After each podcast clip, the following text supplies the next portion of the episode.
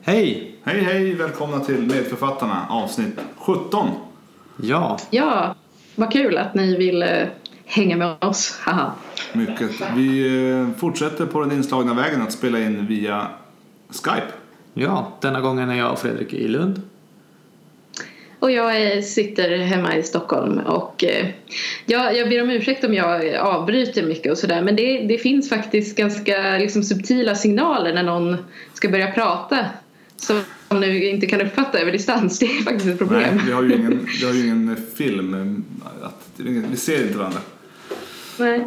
Det tror jag vi kan leva Så jag med. tror bara inte Mm. att- avbryter helt enkelt. Eh, Ja, Det precis. får vara så. Du, jag tror du trivs bra i den rollen. Ja, jag har ju ofta något väldigt eh, viktigt att säga så det är Precis, helt jag okej. tycker det är bra, det är bra att du avbryter. Ja, vi ska köra som vanligt eh, någonting nytt och viktigt. Nej förlåt, något nytt, någonting gammalt och viktigt. Ja, det nya är också viktigt. Och så någonting udda. Allt är viktigt. Någonting udda och viktigt. Ja, Ja, allt är eller viktigt. oviktigt. Yes.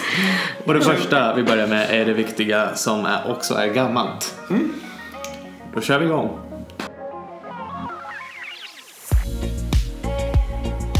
Ja, och då ska jag prata om eh, en sjukdom som jag redan har pratat om.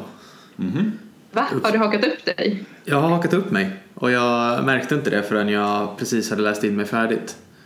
Det här har vi redan pratat om när jag pratade om rails. Just det. Du, frå- han frågade mig, vänta nu, vad handlade Rails om egentligen?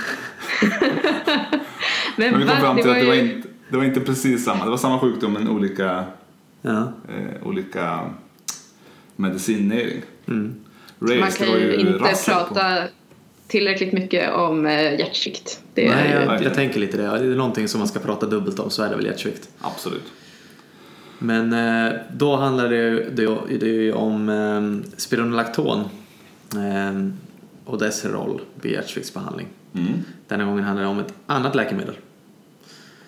Ehm, och hjärtsvikt, för att dra det igen, är en eh, dödlig sjukdom med hög mortalitet. Svårt att få fram siffror på det Mm. eftersom alla har sina egna definitioner lite grann på vad hjärtsvikt är och vad, ja. men Ehm, hjärtat orkar inte pumpa tillräckligt bra helt enkelt. Precis, ungefär 2% i befolkningen har hjärtsvikt. Över 80 år är det ungefär 10%. Mm. Och Folk- vänta nu, det är över en procent så är det en folksjukdom, eller? Ja, så det är definitivt en Så att eh, folksjukdom. det, det är en folksjukdom. Mm. Eh, Och det kan ju orsakas av eh, kemisk hjärtsjukdom, att man har haft hjärtinfarkter, eh, det vill säga ehm, av högt blodtryck, av eh, sjukdomar i hjärtmuskeln, muskeln, kardiomyopatier och av klafffel bland annat. Mm. Eh, Och behandlingen då, eh, diuretika, eh, vätskedrivande som Furix, AC-hämmare, eventuellt spironolakton som vi kom fram till när jag pratade om Rails. Just det. Och det var det allra första avsnittet. Ja, det var det. Ja, just det. Så nu är det nostalgi här. Mm. Ja, verkligen. Och eh, digoxin. Just det. Och så ett Just- läkemedel, och så ett läkemedel till. Nu ska vi se om ni har hängt Mm. Ja. med på vad jag har sagt och inte sagt. Ja, men jag vet. Betablockad. Betablockad. Jag, jag höll på att tänka så här, är vi gammal eller ny nu? Men just det, vi är gammalt. Ja. Det är gammalt. Inte Ja. jättegammalt ändå. och det är ett läkemedel.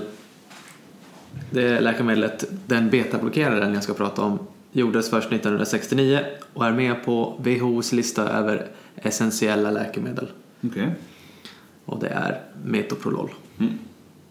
Oj, en riktig gammal goding faktiskt. Alla Alltså, svåra det- metoprolol. Ja, man gillar metoprolol. Ja, jag tycker inte alls den är lika tråkig som Metformin utan Metoprolol är ändå liksom så här, man bara åh, kära gamla vän. Nu det är kan, inte väl, nu kan väl ingen människa tycka att met- Metformin är tråkigt längre. Är det Nej, fortfarande- det är sant i och för sig. Efter våren. Fortfarande lite tråkigt. Metoprolol eh, vurmar jag mer för. Ja, okej. Mm. Ja. Det har lite gulligt namn också, det kanske är det. ja. Precis. Men eh, Okej, jag fick inget riktigt napp där, men jag Nej, jag fick det. känner inte efter dig. Jag höll inte riktigt med. Men jag ska prata om en studie från 1999 i The Lancet som heter Merit HF. Mary En förkortning. Ja, då, då är vi tillbaka hos kardiologerna. Mm. Och deras förkortningar. Så nu har vi förkortningar igen. Och Merit HF är kort för eh, Metoprolol Randomized Intervention Trial in a Heart Failure. In Ja. congestive heart failure. failure.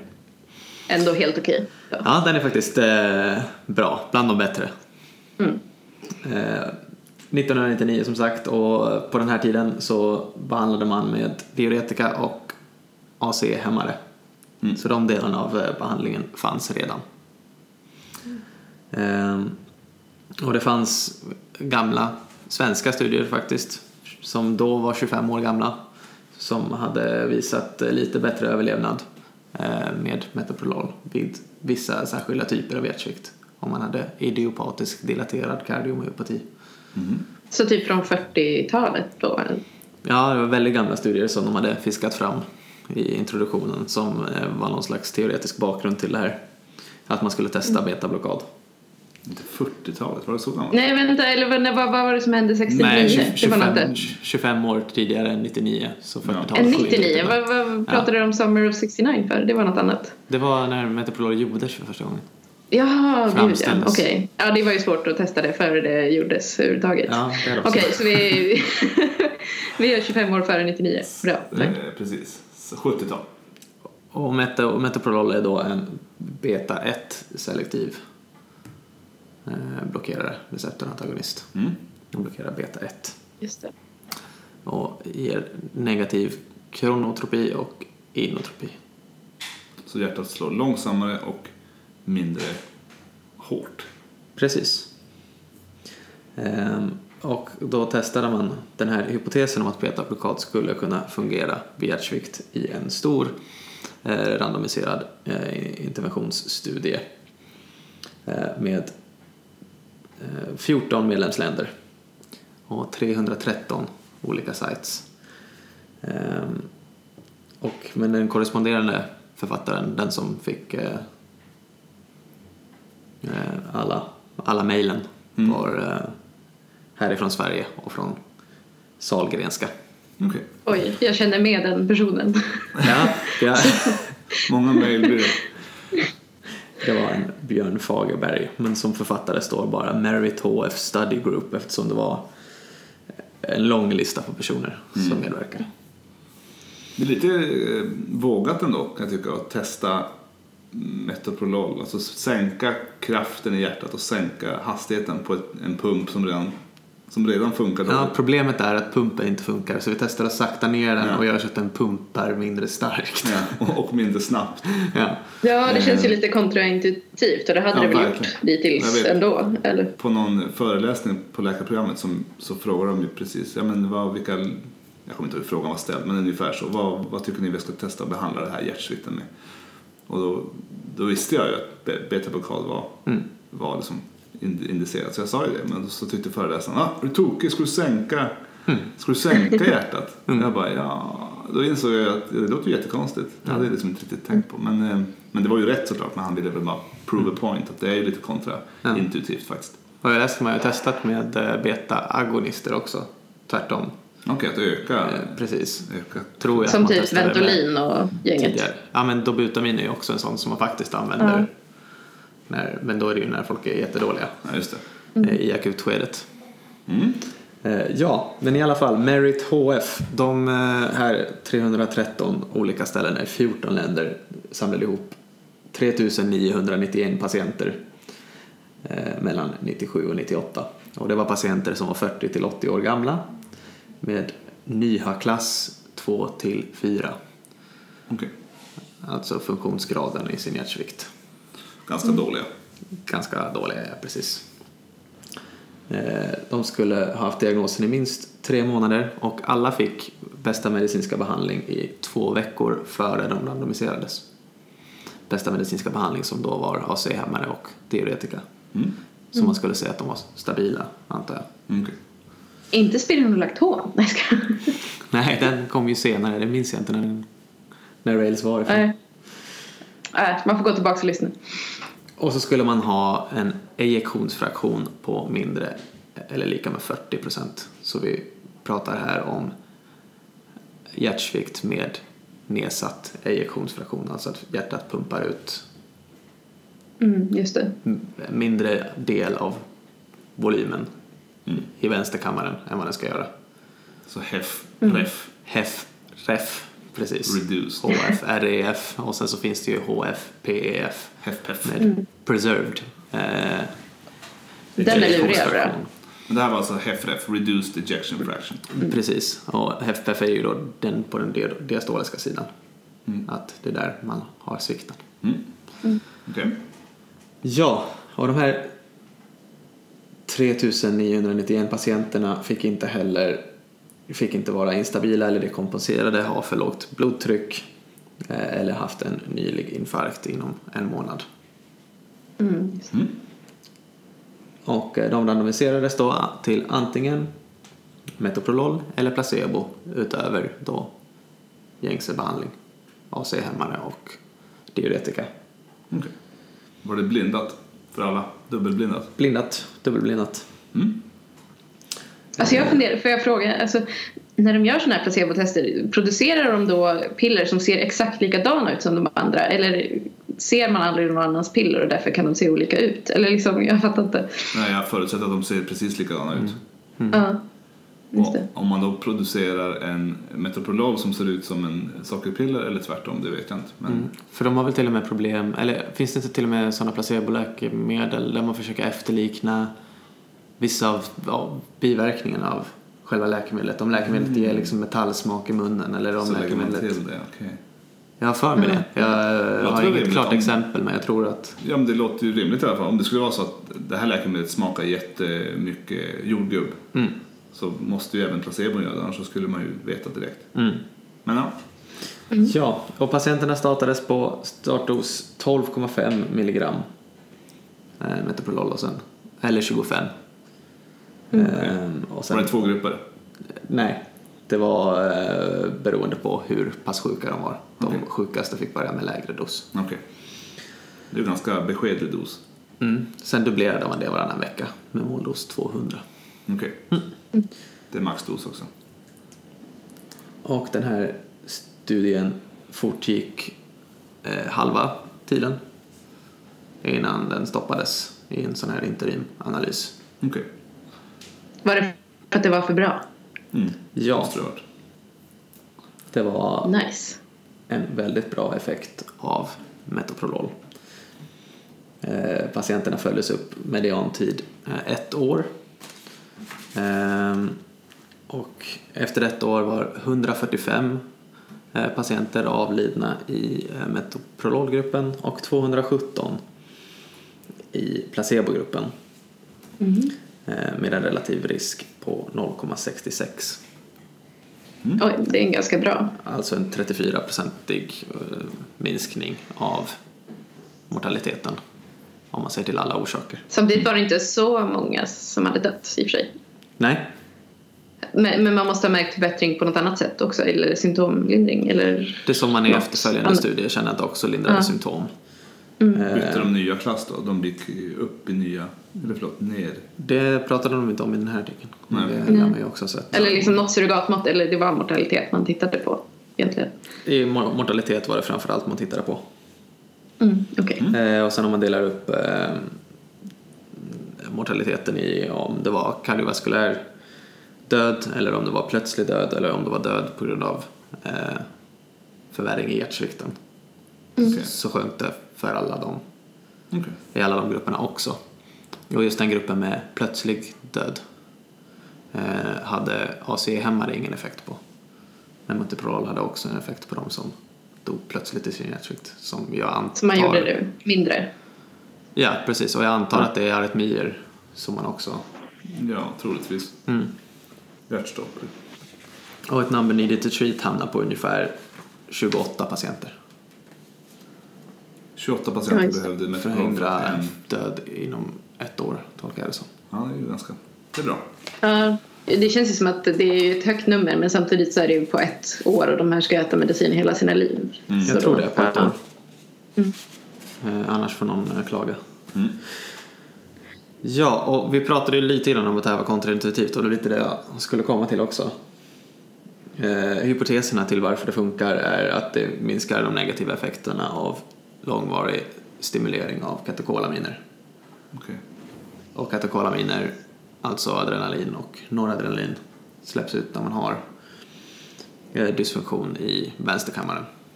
Har Okej. man kunnat visa. Och de För ökar, att liksom försöka piska på mer. ja, Så. och då ökar de frekvensen och de ökar energibehovet i eh, myokardiet, i hjärtmuskeln. Eh, och då hy- blir hjärtceller stora, hypertrofierar, dör. Mm. Och Det blir en remodellering som är dålig med fibrosutveckling som också var det som man kunde motverka med spironolakton. Just det. Och då säkert ökad risk för arytmier. Ökad risk för arytmi, ja precis. Ehm, Och ehm, att ge betablockad ökar också antalet av de här receptorerna, tätheten av de här- de här receptorerna i hjärtmuskeln, B- beta-1-receptorerna. Okej. Så man svarar sen bättre på svängningar i inotropi och kronotropi, alltså hur snabbt Så det är man, man slår. ökar liksom känsligheten för när det väl behövs sen. Ja, då, precis. Ja. Okej. Precis. Eh, Så det är ju med i behandlingen. Eh, Nu idag rekommenderas eh, guidelines från 2013 eh, från American Heart Association rekommenderar betablockad till alla stabila eh, hjärtsjukpatienter. Mm. Coolt. Sen finns det såklart kontraindikationer. Men... Just det. Men ändå. God Ja. och glad betablockad, eller hur ska Precis. Och då undrar, jag lite grann, har, då undrar jag lite grann om ni har några fler kontraintuitiva behandlingar? Saker som... Saker Man som man, tror inte ska tänker, funka. för precis som Fredrik sa eh, tänkte jag ju också att det här lät fruktansvärt dumt. Mm. Och det gör ju det. Ja, det, det låter Även, ju... även nu låter det ju jättedumt. Ja. Och liksom göra ett icke-fungerande hjärta mindre effektivt. Mm. Ja, Det är ungefär som om man har njursvikt och man skulle ge, man skulle ge något läkemedel som man får ännu, tänka att man ska bromsa njuren ännu lite mer. Täppa till uretären. Plugga katetern. Mm. Oh. Andra sådana kontraintuitiva. Det här, ja, när du frågade det förut så den här, det var ju den här jag tänkte på, betablockad. Den är ju Mm. den Ja. är min bästa. Har du någon Miriam? Nej. Inte så här rakt av. Jag har eh, några stycken Mm. eh, som ni gärna får kommentera. Mm, kör. Eh, Jag tänker att det här med syrgas vid hjärtinfarkt, den är ju lite tvärtom. Just det, att det, det hjälpte inte. Ja, den är ju lite tvärtom. Där känns det också kontraintuitivt. Att det inte hjälper. Ja. Mm. Men Eller, stjälper där det? är det ju mer att det känns intuitivt att någon som håller på att få en hjärtinfarkt bör- borde få syrgas. För det är syrebrist i hjärtmuskeln. Då är det väl bra att ge syre. Men är det, är det dåligt just nu då? Nej, det hjälper väl bara Det inte, är väl eller? mest att det inte hjälper. Nej precis, det är ingen... Mm. Så det är ju mer en intuitiv behandling som inte funkar. Nej. Ehm, och även ehm, hormonersättningsterapi. Fast den är ju också att den inte funkar. På Hur, hur tänker du? Ehm, jag tänker, vi kan spara den. Mm. För den är inte lika stark. Ehm, Okej. Mm. Okay. Bara den starkaste. Nej. Ehm, men eh, vid eh, ADHD, Mm. behandling med Ja. Elvanse. Att man ger Ja, det eh, ad- ad- är ju faktiskt- amfetamin till någon som redan är speedad. Ja, precis. Man Ja. tänker ju inte på koncentrationsdelen så mycket Nej. i liksom, amfetamin. Nej, nej, den är faktiskt sann. Att den känns ju... Den På känns ju vägen. väldigt kontraintuitiv. Att Ja, verkligen. Ja, det är bra. den här eh, överaktiva. Person. Inte Men sen är det väl saker koncentrera som... sig. Va? Hur funkar det ens? Det är ju, alltså ECT känns ju konstigt tycker jag. Ja, Eh, och där blir det egentligen samma med alltså, förmaksflimmer egentligen. Att du ska kunna elkonvertera och då Alltså att du ger en chock och då fattar hjärtat att det ska gå i vanlig rytm. Egentligen borde, tycker man ju att det bara borde balla ur av att få en elchock. Mm. Alltså rimligtvis. Så.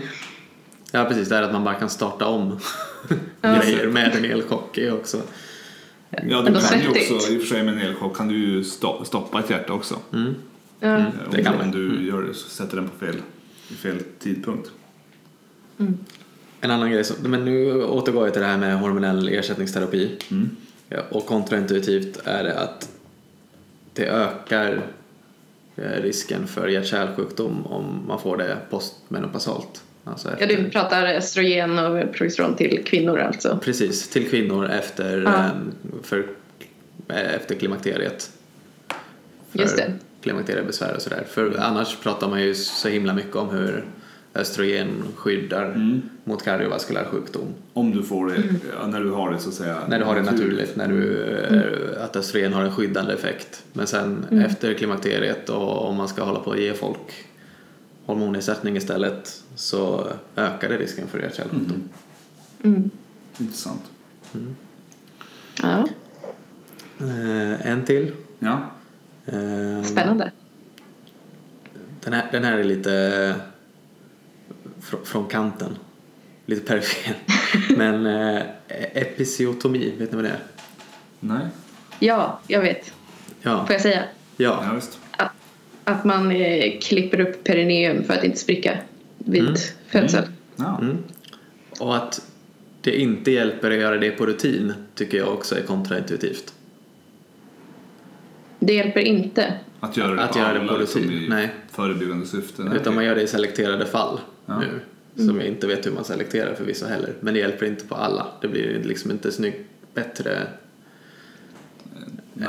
Det blir en- lite en- mindre... mindre bristning för att man bristning. Mm. liksom försöker förebygga brist, bristningen genom att lägga ett snyggt eh, klipp i Men är det för- bara att du då skapar ett problem, alltså ett klipp för någon som ändå inte skulle ha spruckit? Eller är det bara att det inte förebygger alla sorters Nej, jag, jag, jag vet inte. riktningar? Jag tycker det, Nej, kän, men nej. det, kän, det känns ju bra. Det känns liksom intuitivt som att det skulle absolut kunna vara bra att liksom Mm.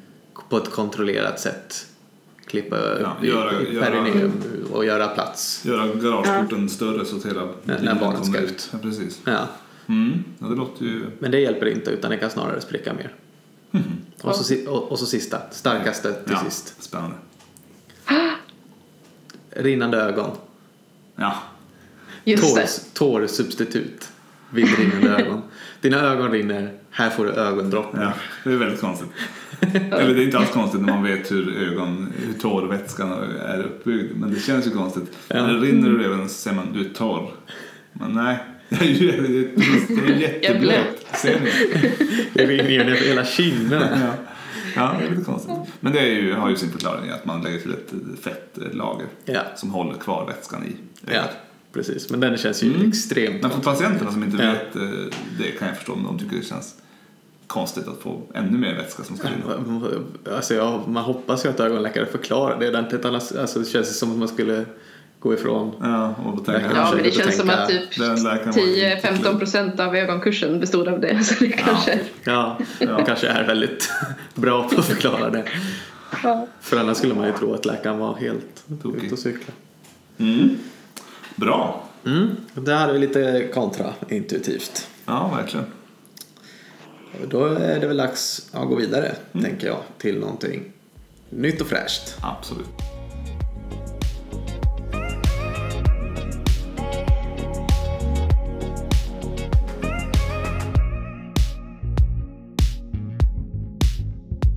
Ja, någonting nytt. Eh, jag tänkte vi skulle prata lite grann, fortsätta på, eh, nu glömde jag bort vad det hette när man klippte. Epici... To- Nu, fan, nu kan jag inte heller säga det. Episiotomi. Episiotomi. Episiotomi. Episiotomi. Vad är episio kan man fråga sig då? Eh, jag vet inte. Nej. Åh, Ja, jag men- hörde nyss men jag glömde. Ja, strunt samma. Vi, vi fortsätter på den, eh, i den regionen i alla fall. När, när var ni på en förlossning senast? Oh, det var kanske tre veckor sedan, tror jag. Ja, Okej. Kanske två... eh, åtta, några- Ja, då, några- då, är du mest, eh, då är du mest insatt, eh, Miriam. Eh, kommer Kanske. du, då kan ju du berätta, vilken, vilken so- sorts smärtlindring fick mamman eller mammorna på de förlossningar du har varit med på, ni har varit med på? Då var det ju en eh, traditionell EDA som jag varit, som många hade då med, ja, jag vet inte vad det är, är det lidokain och, i och sånt? Ja, typ Eller vad Martin. använder man? Markain. Ja, någon, någon Markain, sorts alltså. lokal anestetika, ja, det är säkert marken. Ja, det låter En, bekant. eh, en epidural Och- helt enkelt. Ryggbedövning. Ja. Mm. Och lustgas. Och lustgas, ja. För det vanligaste i Sverige är att man ger i stort sett alla lustgas. Eh, Eller man erbjuder, man ger ju ingen något som de inte vill ha. Men man erbjuder alla lustgas. Och eh, ett eh, relativt stort antal får ju också då precis en EDA eller en epidural bedövning, en ryggbedövning.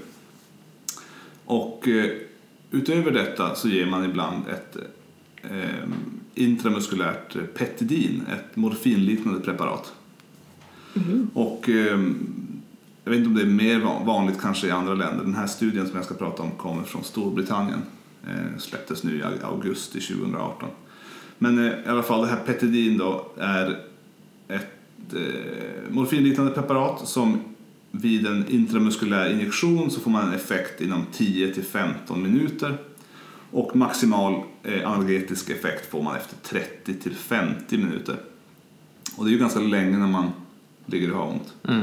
Eh, Och det är ju framförallt, man kan ju inte ge det liksom vid varje verk som man kan göra med lustgas. Den kan man ju ta och andas innan verken kommer och sådär så att man kan få lite mer Mm. lokalt, eh, lokalt hjälp. Ehm, I alla fall, i Storbritannien då så har man sett att eh, det här petidin inte alltid räcker utan i ungefär en tredjedel av alla förlossningar så, mm, som mamman får petidin då så behöver man ändå ge dem en epiduralbedövning. Ja, okej. Och, För det har jag inte eh, alls hört om att det används i Sverige Petidin, som alternativ. nej det kanske inte Nej. alls är så vanligt i Sverige men jag tror man, man ger ju ibland morfin i Sverige. Mm. Åtminstone, jag vet att man ger petidin också. Mm. Och eh, eh, epidural, det må ju vara ganska vanligt men det är ju faktiskt inte helt ofarligt och eh, några eh, nackdelar med EDA är eh, att det kan göra så att verkarna blir svagare, eller det gör så att verkarna blir svagare. Det gör ju mindre ont och man får, s- man får svårare att krysta och det gör att eh, förlossningen oftast, eller kan ta längre tid. Och eh, det är vanligt att man behöver få dropp med verkstimulerande medel för man liksom bromsar med en EDA. Då måste man ge lite ehm, Lite gas. lite verkstimulerande medel för att gasa på också.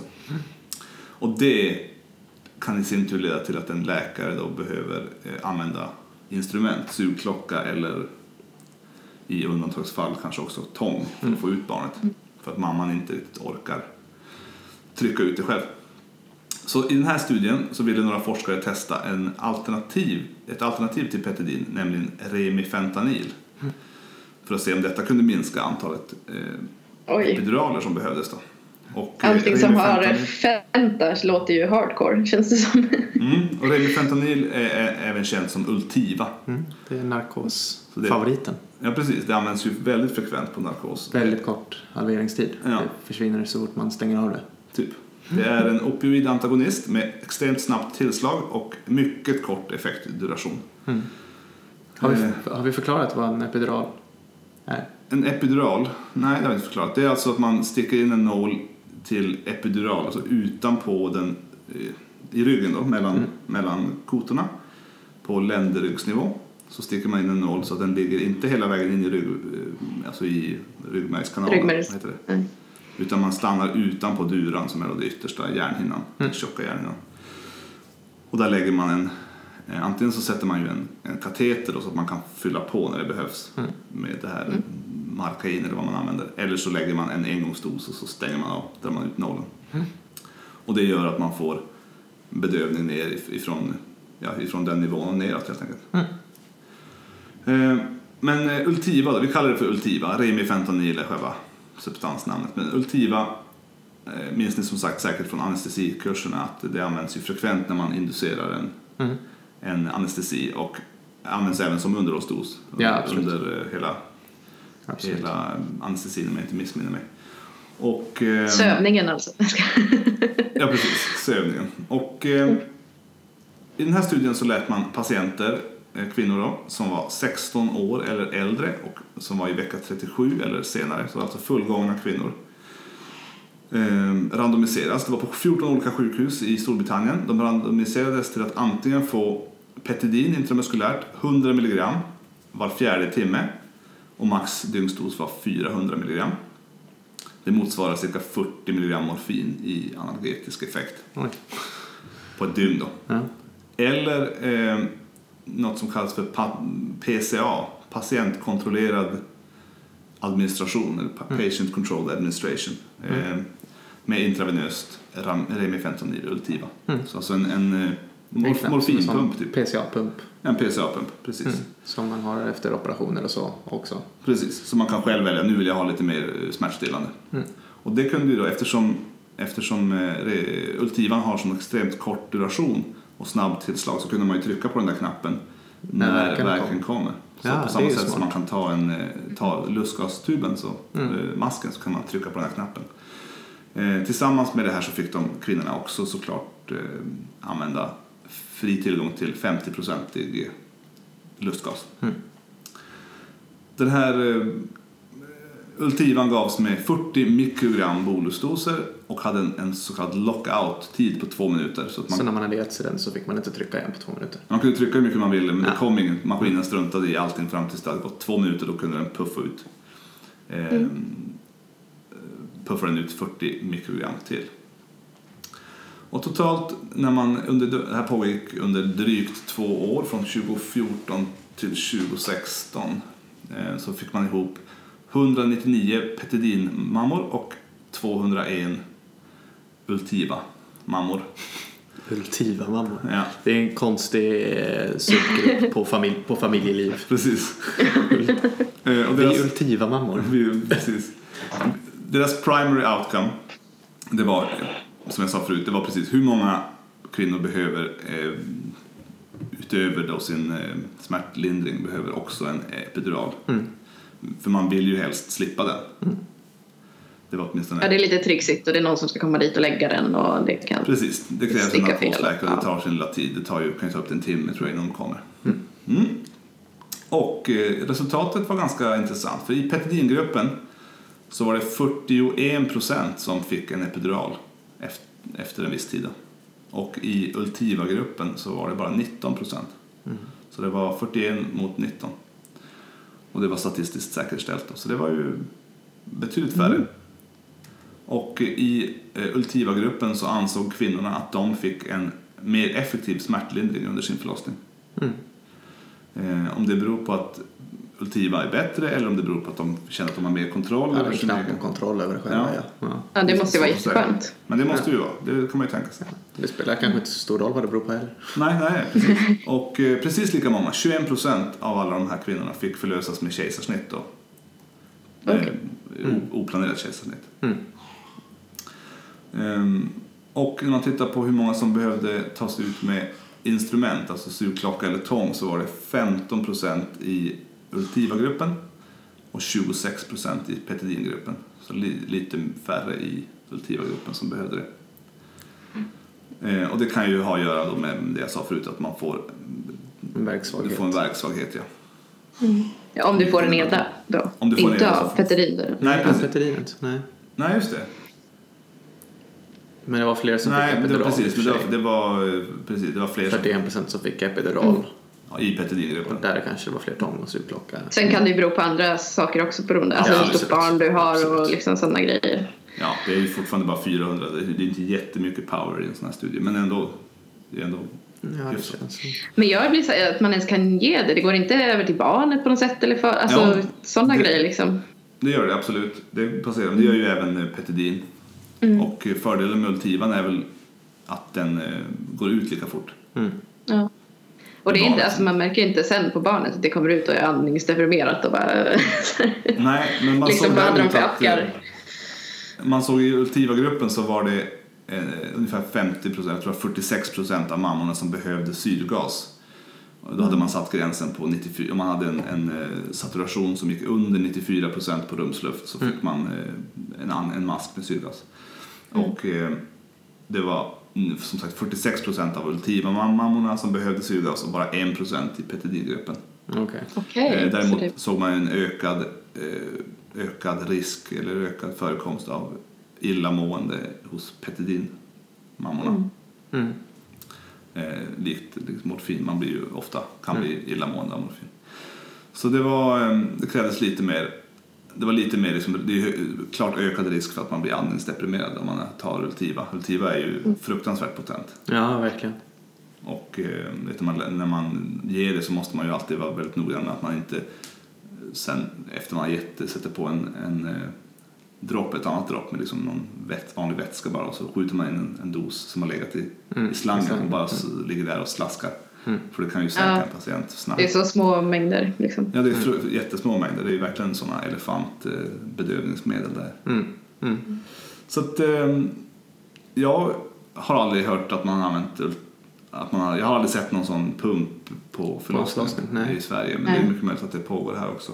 Eh, Men det är intressant. Jag, jag, jag tror ju verkligen på det här att man ska låta Styra det själv. kvinnorna få styra själva för att Ja, det här med petidin känns ju värdelöst att få på fy, fyra doser Ja, jag med vet, fyra det vet timmars- jag ju faktiskt inte hur mycket det används i Sverige. med med fyra fibertest. timmars mellanrum och Mm. maximal effekt efter en halvtimme. Ja, till, en halvtimme till 50 minuter till och med. Så att det, En förlossning kan ju till och med inte ta Då ska slut. man ju tajma in de värsta verkarna. Ja. Och så är det det, där, man vill ju balansera. Eh, det är fördelen kanske med lustgasen, att man kan säga åt kvinnan att nej, nu ska du, nu ska du inte ta lustgasen. Nu är det dags liksom att, nu vill vi att den här värken ska få Mm. komma liksom och riva ordentligt för nu ska, det, nu ska barnet ut. Mm. Det är ju, verkarna har ju verkligen en, Effekt. ja de, är- de finns ju där av en anledning. Det är Mm. Ja. till för att man ska få kraft att trycka ut ungen.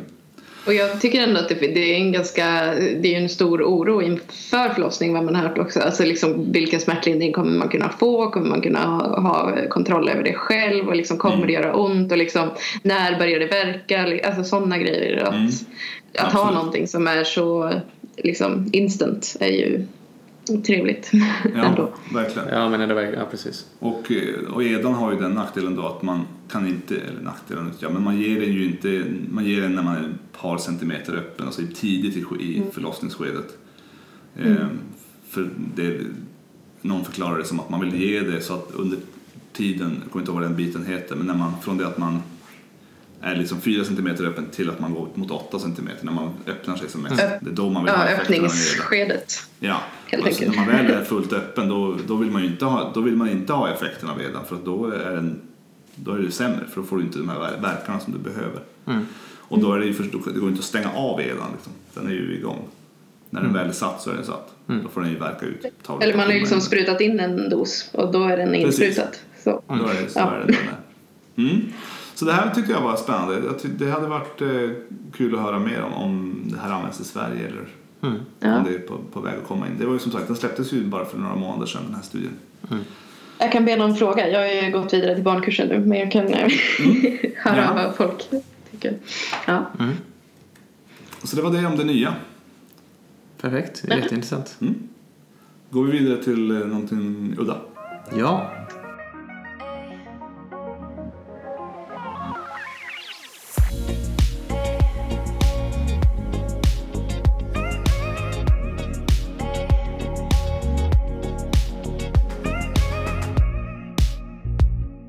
Har ni eh, känt er hypokondriska någon gång? ja. Ja, lite grejer. Inte så farligt faktiskt. Nej, inte jättefarligt, men eh, visst lite hypokondrisk är man väl. Ja. Jag brukar få Men såna har- fascikulationer i olika muskler, alltså ry- muskelryckningar. Då tänker man ju att det här skulle kunna vara dåligt. Ja. Men det är Eller ju så. dåligt? Nej. Precis. ja. Men tror du, har det lett till att ni har sökt mer vård än vad ni behöver tror du? Nej, Nej, absolut inte. definitivt inte. Tvärtom. Nej. Nej, för jag har Förlåt, alltså tvärtom. lä- läst in mig på det här med eh, hypokondri och eh, alltså egentligen attityder till att söka vård bland läkarstudenter och bland doktorer där. Och vad, vad säger era fördomar om det? Att läkare är skitdåliga. På att söka, ja. Ja.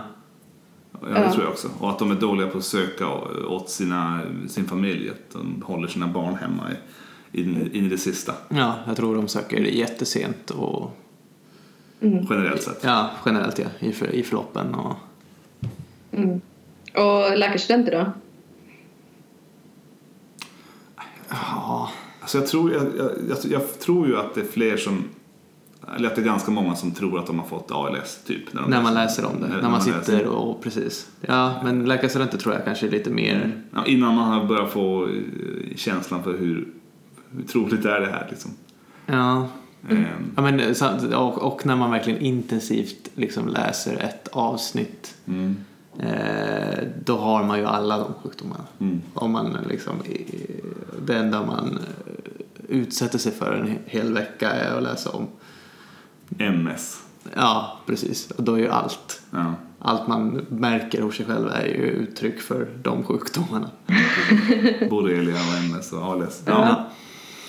Men det finns ju då eh, gamla, eh, liksom, eh, ja, en ganska utbredd utfattning om eh, liksom, eh, hypokondri bland eh, läkarstudenter som man kallar då, eh, finns till och med ett namn, medical student syndrome eller medical studentitis till och med. Eh, Men eh, och det är egentligen det är baserat på eh, gamla studier från 60-talet som visade typ att, eh, som sa att 70 till 80 procent av alla läkarstudenter har det här eh, någon gång. Liksom.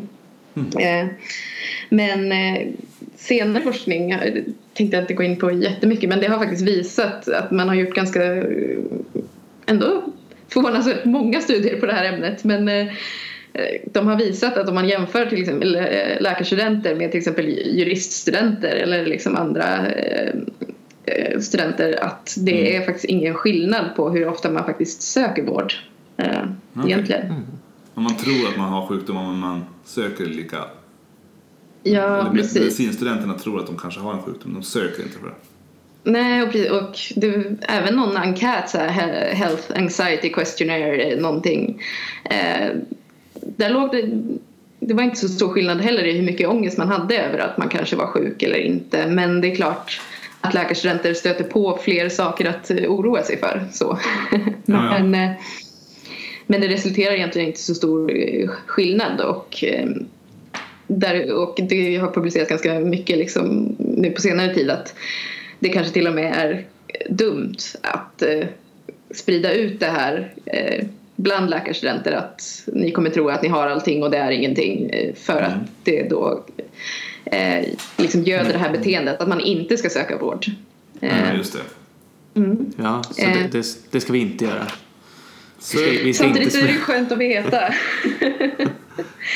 skönt att veta att alla oroar sig mer eller mindre. Det är klart att det är en skön kännedom att ha men ja. ja. Men kan det inte vara också så att om man nu är läkarstudent så har man ju ganska fri tillgång till eh, specialister eh, så- att fråga. Så Man, det blir ju ingen, det blir ingen- liksom ingen journalanteckning om att man har frågat tror du att jag har den här sjukdomen så kanske de kan lugna en. Nej, det tror jag inte. Nej. Ja, det är svårt. Men det jag tänkte, det jag kollade eh, mer på och som var lite svårare att få till det är ju liksom vad, hur läkare egentligen tänker och gör när man är färdig liksom. Mm. Eh, och där har jag då hittat en eh, stor eh, systematisk eh, review eh, som heter Doctors as Patients, a systematic review of doctors' health access and the barriers they experience. Eh, och det var, jag tyckte det var ganska intressant läsning. Eh, och, men de började med att konstatera att det är ganska dåligt material på ämnet. Men de har ändå hittat eh, 26 studier eh, varav 23 enkäter och tre kvalitativa studier eh, i ämnet som de sen går igenom. Och, eh, ja, ja, men ni trodde att de eh, eh, att läkare söker mindre och senare. Ja, Mm. det tror jag definitivt. Kan ni tänka på några anledningar till det? Ja, jag kan säga till mig själv. Jag tänker att man inte vill eh, göra bort sig. Mm. Om ni förstår vad jag menar. Att man inte vill komma Ja. in till akuten och så säger de bara, men va? Vad, varför är du här? Man vill inte vara till, liksom, till besvär och så. Mm. Det Mm. här Nej. borde du ha vetat. Och man kanske vill liksom också lite prestige i det att man inte vill erkänna att man inte har så bra koll på det Mm. området som man misstänker att man är sjuk ifrån. Ja, precis. Mm.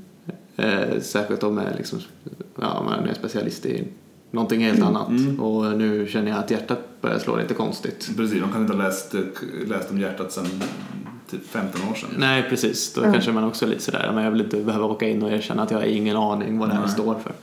Nej, ja, men för det är faktiskt sant. Alltså, embarrassment eh, var eh, vanligt återkommande och det var 71 procent av läkarna eh, beskrev sig som då att de ja, skämdes blir det väl nästan egentligen då på svenska eh, av, när de träffade en annan läkare. Mm. Eh, och att det kunde vara på dels att man bara är obekväm i patientrollen men också att Just det här att man tror att den andra läkaren kommer tänka att man överreagerar. eh, Mm. Och att man, eh, ja, man skäms för att man tar upp deras tid och eh, sådär. Man eh, känner att eh, man liksom erkänner då att man själv inte har koll på det helt enkelt. Mm. Ja, men och det här- särskilt... Ja, förlåt. Det har jag varit med, ja, men det har jag varit med om också att eh, folk till och med ber om ursäkt för ja, men det här ska jag inte jag ta er tid med. Att det, Ja. Mm. ja, Mm. Vilket, man har- vilket de har precis lika stor rätt att göra som alla andra. Precis. Men jag förstår ju Jag har att varit man med om flera blir ju gånger. såklart. Ja, men också att man, eh, man är orolig över att ens egen diagnos och behandling skulle ha varit fel för att man har ju en möjlighet att själv medicinera också, eller liksom att själv eh, behandla. Eh, Och man såg att det här eh, att man är ännu mindre villig att eh, söka hjälp för odefinierade saker som stress och typ eh, sexuella svårigheter och alkoholberoende är absolut de svåraste som läkare att söka. Saker som är lite stigmatiserade också såklart. Ja, För alla, ja. Precis. Mm. precis. Eh, Men eh, överlag så är det ju ganska svårt att jämföra liksom antal besök med en generell befolkning så. Eh, Eftersom man har sett också att läkare som grupp är en kanske lite friskare grupp än Mm, ja, just det. allmänheten på grund av ja, jag vet inte, privilegier, utbildning, kunskap, alltså så. Socioekonomi. Ja, precis. Eh, och, ehm, men eh, de flesta har ändå liksom att de är registrerade hos en husläkare eller GP blir det väl. De här studierna är från eh, eh, Storbritannien, USA, Schweiz, Finland, Kanada. Det är inte Sverige i alla fall så att de har kanske lite andra system. Men nästan alla har en husläkare men de går ganska sällan dit och eh, ganska liten utsträckning f- för kroniska sjukdomar om de fakt- om man som läkare faktiskt har en kronisk sjukdom så är man ganska obenägen att låta någon annan sköta den. Sköta det. Så. Ja. Själv är bäste dräng. Ja, precis.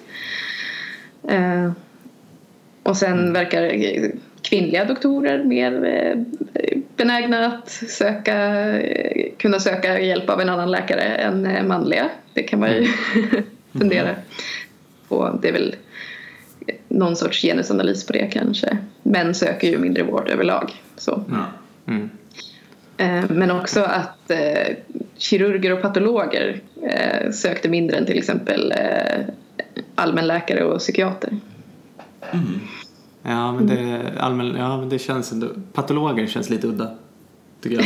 De tänker jag skulle söka ganska ofta. Men jag tänker, hur- jag tänker ju på mm, hur upplever ni det är att ha en läkare som patient? Eh, Jag tycker det är lite läskigt. Vi är, ju, det är nästan uteslutande mer erfarna läkare som, Ja, eh, som som kommer eftersom det är man får svårt att följa. vara mindre erfaren än att vara alldeles ny. Mm. Så det, det kan ju vara lite... Alltså man får ju...